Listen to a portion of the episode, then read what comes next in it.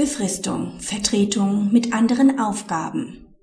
Wird ein Arbeitnehmer vertretungsweise befristet mit anderen Aufgaben als die zu vertretende Stammkraft beschäftigt, muss der Arbeitgeber rechtlich und tatsächlich in der Lage sein, die Aufgaben des Vertreters auch dem Vertretenen zuzuweisen. Die Arbeitnehmerin ist aufgrund verschiedener befristeter Arbeitsverträge als Verwaltungsangestellte bei der Arbeitgeberin beschäftigt. Der letzte befristete Arbeitsvertrag sieht vor, dass die Arbeitnehmerin für zwei Jahre nach 21 Bundeserziehungsgeldgesetz zur Vertretung von Frau L eingestellt wird. Das Arbeitsverhältnis unterliegt den Bestimmungen des BAT.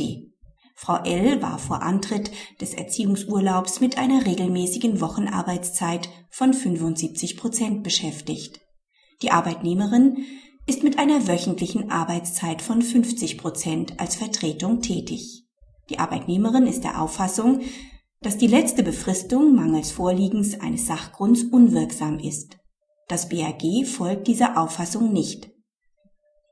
Die Voraussetzungen der Befristung zur Vertretung liegen vor. Maßgeblich für die Befristungskontrolle ist lediglich die letzte vereinbarte Befristung. Der Sachgrund der Vertretung setzt nicht voraus, dass der befristet eingestellte Mitarbeiter unmittelbar die von der ausfallenden Stammkraft ausgeübten Tätigkeiten erledigt. Der Vertreter kann auch mit anderen Aufgaben betraut werden.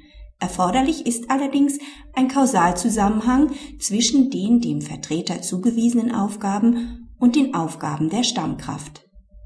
Dieser besteht jedenfalls dann, wenn der Arbeitgeber tatsächlich und rechtlich in der Lage wäre, dem vorübergehend abwesenden Arbeitnehmer im Falle seiner Weiterarbeit oder nach seiner Rückkehr die Aufgaben des Vertreters zu übertragen.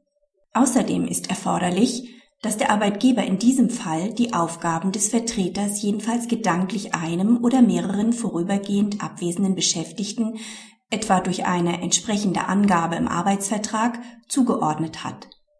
Diese von der Rechtsprechung aufgestellten Voraussetzungen entsprechen den gemeinschaftsrechtlichen Vorgaben der Richtlinie 1099-70-EG vom 28.06.1999 über befristete Arbeitsverträge, denn damit wird sichergestellt, dass das gemeinschaftsrechtlich vorgegebene Ziel der Verhinderung des Missbrauchs aufeinanderfolgender befristeter Arbeitsverträge umgesetzt wird im Streitfall haben sowohl die vertretene Stammkraft als auch die Vertreterin eine Vergütung nach derselben Vergütungsgruppe des BAT erhalten.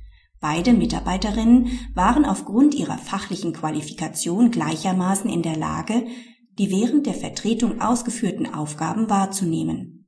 Allein der Umstand, dass Frau L. im vorliegenden Fall eine höhere Arbeitszeit als die Arbeitnehmerin hat, führt nicht zur Unzulässigkeit der Vertretung.